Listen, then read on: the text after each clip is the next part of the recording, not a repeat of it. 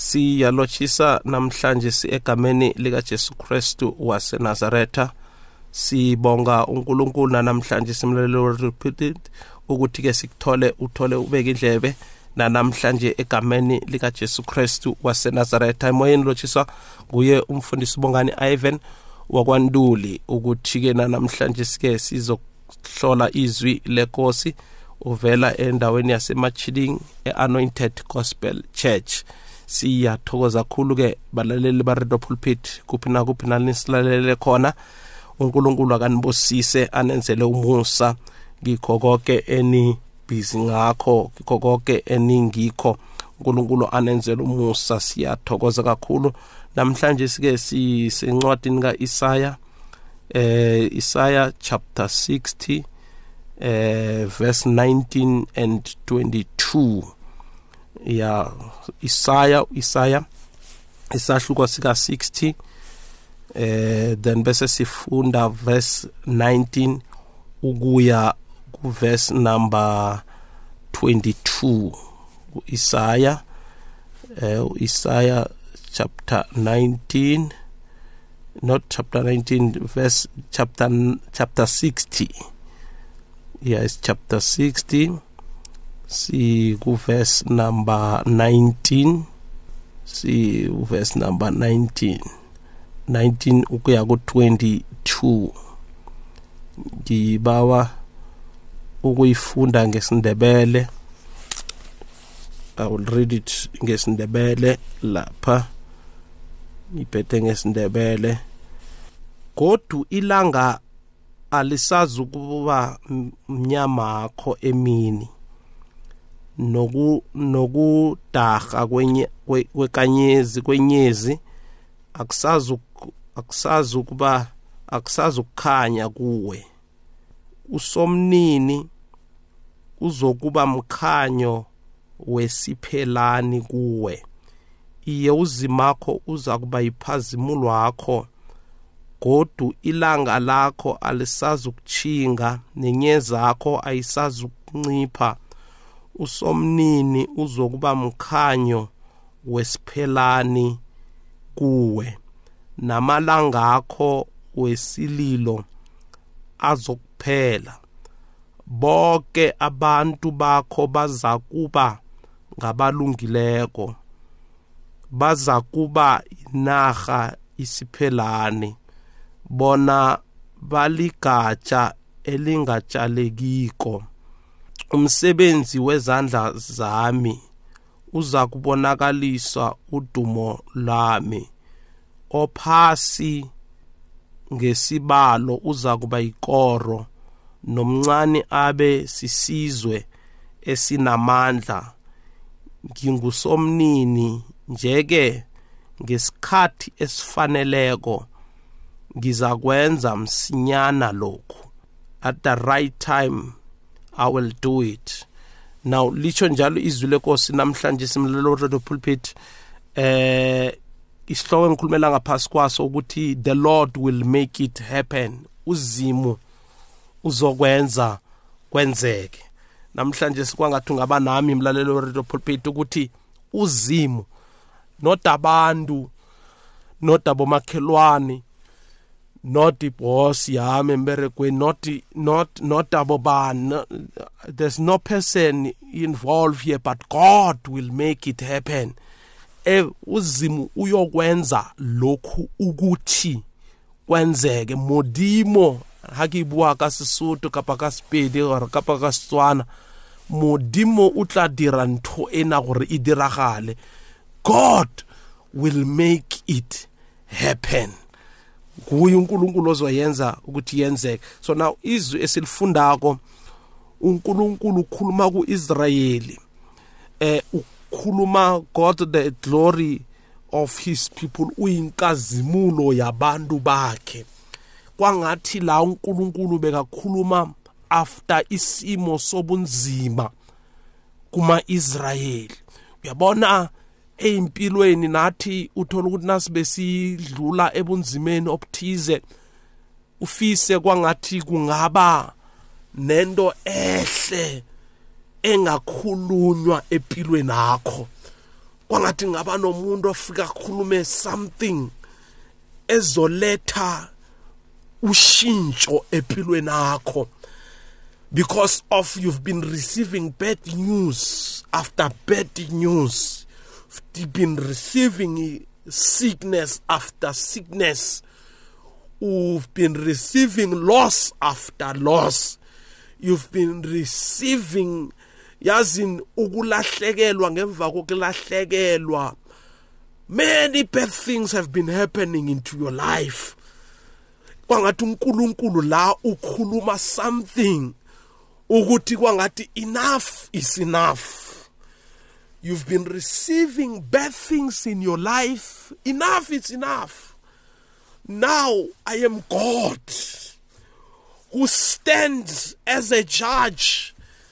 Ohlala oma esihlalweni sobukhosi othi enough is enough. As i am the controller of everything eyenzakalako in the lives of the people. Sona ukhuluma nakamazwi phezu kuka-israyeli uthi the sun shall no longer be your light by day. Ilanga angeke lisaba ukukhanya for ilanga lakho. For your day no. The brightness shall be moon give light to you. Or nenyezi ukuthi lethe ibe kukhanya kwakho. But the lord naso itsho njalo ithi kodwa uzimu will be to you an everlasting life. Uzimu kuyoba nguye oba ukukhanya okungapheliko ngamanye amagama you will not rely elangeni ukuthi libe ngilo elikhanyiselako. You will not rely enyezini kube ngiyo ekulethela ukukhanya. Mara uzimu yena ngokwakhe. Eyizima God is going to be that light an everlasting light. Ngamanye amagama there will be no darkness over your life because uNkulunkulu uzoba ukukhanya kwakho. God is going to be your light. Bewurilaya eyintweni bewurilaya phezulu kwabantu ukuthi kube ngibo abakwenzela izinto. Bewurilaya phezu kwabantu ukuthi hey ngithemba uzibanibani ngithemba uzibanibani ngithemba umalume? Ngithembe uzibanibani ukuthi hey as long as kunolo okulapha ekampanini leya i rely on him i-connection yami nguye ukuthi ngiberege lapha. But lithi ibhayibheli namhlanje si God is going to be your everlasting life. You need not ukuthi trust abantu lithi iBhayibheli uqalekisiwe obeke ithemba lakhe kubantu. Namhlanje ngizothi kuwe awusadingi ukuthi uthemba abantu. Themba uNkulunkulu yena yedwa. Lithi izwi lenkosi he will be your everlasting light. He will be your everlasting light. Utloba khanya ya gago. Uzoba ukukhanya kwakho okungapheliko into emnandi ngedimension ongena kiyo manje mlaleli weredo pulpit ukuthi lokukhanya akusikukhanya okuyoba khona for a season ethize but it's going to be an everlasting life. Kwangathi ngaba nomuntu ongizwako ekhaya ongilalele it's going to be an everlasting life. Kusho ukuthi ngamanye amagama it's out of season. Akuna season ezobloga lento ezako manje because it's an everlasting light egameni likaJesu usho njalo lapha encwadini kaIsraya and your God your glory uzoba inkazimulo yakho. Your sun shall not longer go down. Ilanga lakho ngeke lisaya phasa ngeke lisafiphala ngeke lisaba your light your light kune light yakho ekhona ekhanyisela wena kuzo zonke indlela. Lokho kukhanya kwakho angeke kusaya phasi. It will lithi izwi lenkosi namhlanje your sun will not go down. Angeke lisaya phasi no shall your moon withdraw itself. Nekanye zakho i- i- i- i- i- inye zakho angeke nayo isa isafiphala. Eh for the lord will be your everlasting yakuphinda lokuthi ngoba uNkulunkulu wakho uyoba ukukhanya kwakho okungapheliko. And the days of your mourning shall be ended.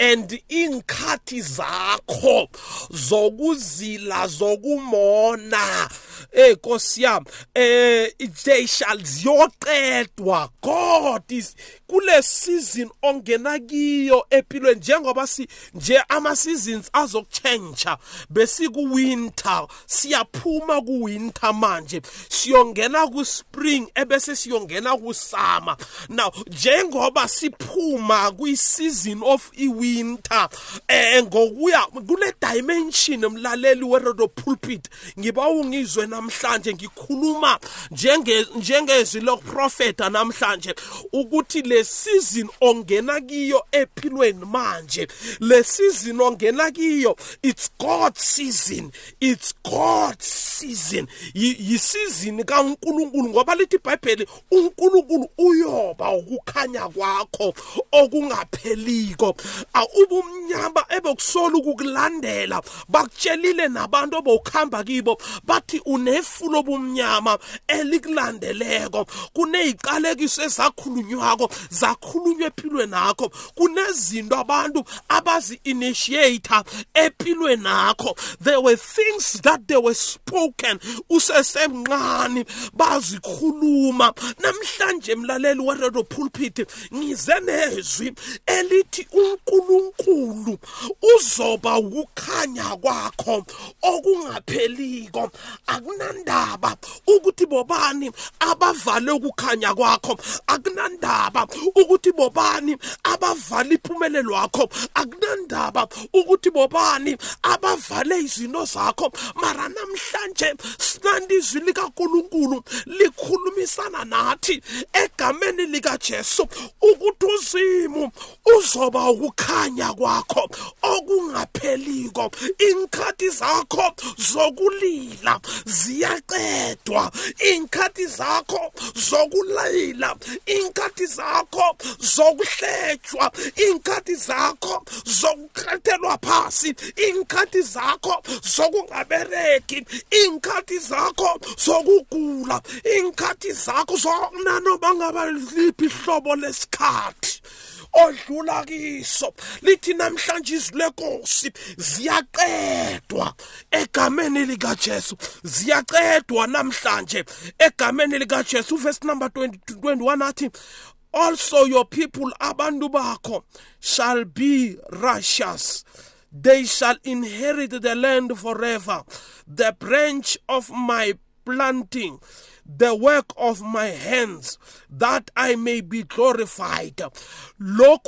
Umsebenzi wezandla zami ukuthi ngikhazinyuliswe ngiphakanyiswe uthi bazo bazoba indlalifa yezwe kunezinto kunezwe. uNkulunkulu akulidela kilo namhlanje. A new environment a land. Uyopossessa uyoba lithi iBhayibheli la they will inherit the land forever. Bayo inherita izwe. Ukuya kuyile. Yabona le season ongena kiyo yisizini yokuya kuyile forever everlasting. Akusenando ezokujamisa lento uNkulunkulu azoyenza ngaphakathi kwakho nesikhathi. Nanoma batsho izinto zithatha kunesikhathi kune time frame ebekwako for izinto ukuthi zenzeke. But le eyenziwa nguzimu manje is timeless. Is timeless. Ayina ayina ayina limit. uNkulunkulu uyenza ukuthi ibe kuya kuyile. Ngoba ubuhlungu odlule kibo ngoba izinto yenziwe zona bezibuhlungu ngendlela emangalisako. Manje uzima uthatha ijudgment yokuthi there will be nothing emisa isikhathi sakho. Forever this thing eyokwenzakala it's going to be forever. Uthi uNkulunkulu namhlanje. Yilokhu uzima kuchoko namhlanje. Nguzimi into yizo uzima likhulumako namhlanje. Uverse number 22 athi a little shall become a thousand. Njengoba umnqane uthi mina ngimnqane uzoba yi-thousand kuthi ukugama amagama uzoba mnengi god is doing something in your life. Lalela mlaleli werodo pulpit uzimu kunento ayenze empilweni akho namhlanje. Kunento uzimu ayenze empilweni akho namhlanje hayi kusasa mara namhlanje. Uthi njengoba bomncane uzoba mnengi abancane bayoba yi-thousand. Abancane bayoba yi-thousand then athi a small one a strong a, and a small one a strong nation. Nesizwe esinqani esinganamandla siyoba yisizwe esinamandla. Hey Nkosi yami isizwe leso ah, laba abancane bazoba namandla babe yisizwe esinamandla. Then ebese athi i the lord will haste and eat in its time. Mina uNkulunkulu ngiyokwenza lokhu. Asifunde ke sindebele uverse number 22 athi ophasi ngesibalo uzaba ikoro nomncane abe sisizwe sinamandla ngingusomnini njeke ngesikhathi esifaneleko ngizakwenza msinyana lokhu. Uthi uzimu namhlanje ngikutshele mlalelo weredio pulpit uthi mina njengoba nginguzimu ngesikhathi esifaneleko mina lokhu ngiyakwenza lokhu msinyana yena ngeke ngithatha isikhathi ukukwenza. Ngiyokwenza msinyana ngesikhathi esifaneleko. Ngiyakukwenza lokhu lokhu lokhu lokhu lokhu ebengikhuluma ngakho ukuthi ukukhanya kwakho ukuthi kuyokwenzakala ukukhanya kwakho kuyoba everlasting. Angeke inye zakho angeke isacima ilanga lakho angeke lisafiphala. Konke lokhu ngiyokwenza lokhu mina ngiyokwenza lokhu msinyana ngesikhathi esifaneleko. Ngesikhathi uyabona uNkulunkulu isikhathi uyasihlonipha isikhathi nasesicedile ukwenzakala lento ebefanele siyenze. Isikhathi sobhlungu nasiphelako. Uthi uzimu namhlanje ubhlungu ukukhala. Enough is enough. The lord is lento ayikakayokwenziwa mnganakho ayikakayokwenza ichomakho ayikakwenza bazali bakho ayikakayokwenza babantu iyokwenziwa nguye. God is going and uyoyenza ngabantu. Lento bazokwenzela izinto ebebangacabanga ukuthi bangakwenzela zona. Why? Because kuzimu he is in control. uNkulunkulu yokuphula the strings ukuthi benze lezinto ekufanele ukuthi zenzeke empilweni nakho namhlanje ngizothi God is going to make this happen. uNkulunkulu yokwenza lokhu kwenzeke empilweni nakho ebantwaneni bakho. Emzini akho. Kikho konke. uNkulunkulu uyokwenza kwenzeke emndenini akho abantweneni ba God is going to uzomangala. God is going to make this happen for you. Kade uxhaga kade usokola kade kunezinto ezenzakala kwempilweni yakho ungazi ukuthi umdela uzichaze njani but God uthi namhlanje I will make this happen. Ngiyokuthatha ngikubeke endaweni ephakemeyo. I will make this happen. Ngiyokukhipha ngaphakathi kwalezimo obongaphakathi kwazo. uNkulunkulu ulithi iBhayibheli namhlanje. He will make it happen. Ungasakhathazeka ungasazonda abantu ungasaya le nale but trust uNkulunkulu uthandaze kuye njalo njalo. Yena uzokwenza kwenzeke. Sithandaze. Baba siyabonga. Ukuthi wena ungunkulunkulu owenza izinto zenzeke. Nanamhlanje nangumlaleli weredio pulpit ngiyamthandazela ngezwe besikhuluma ngalo ukuthi uyokwenza lokhu kwenzeke. Namhlanje menzele ngegama nangegazi likajesu. Kiko konke babo kuyisidingo kuko konke bekakuthandazela baba kwenze. Kwenzeke. Ngelihle igama lomfelo wethu uJesu Kristu ozophila buse ingunaphakade naphakade. Naka ama number wakamfundisi uNtuli 0760270799 0760270799 siyathokoza uNkulunkulu akubusisa amen.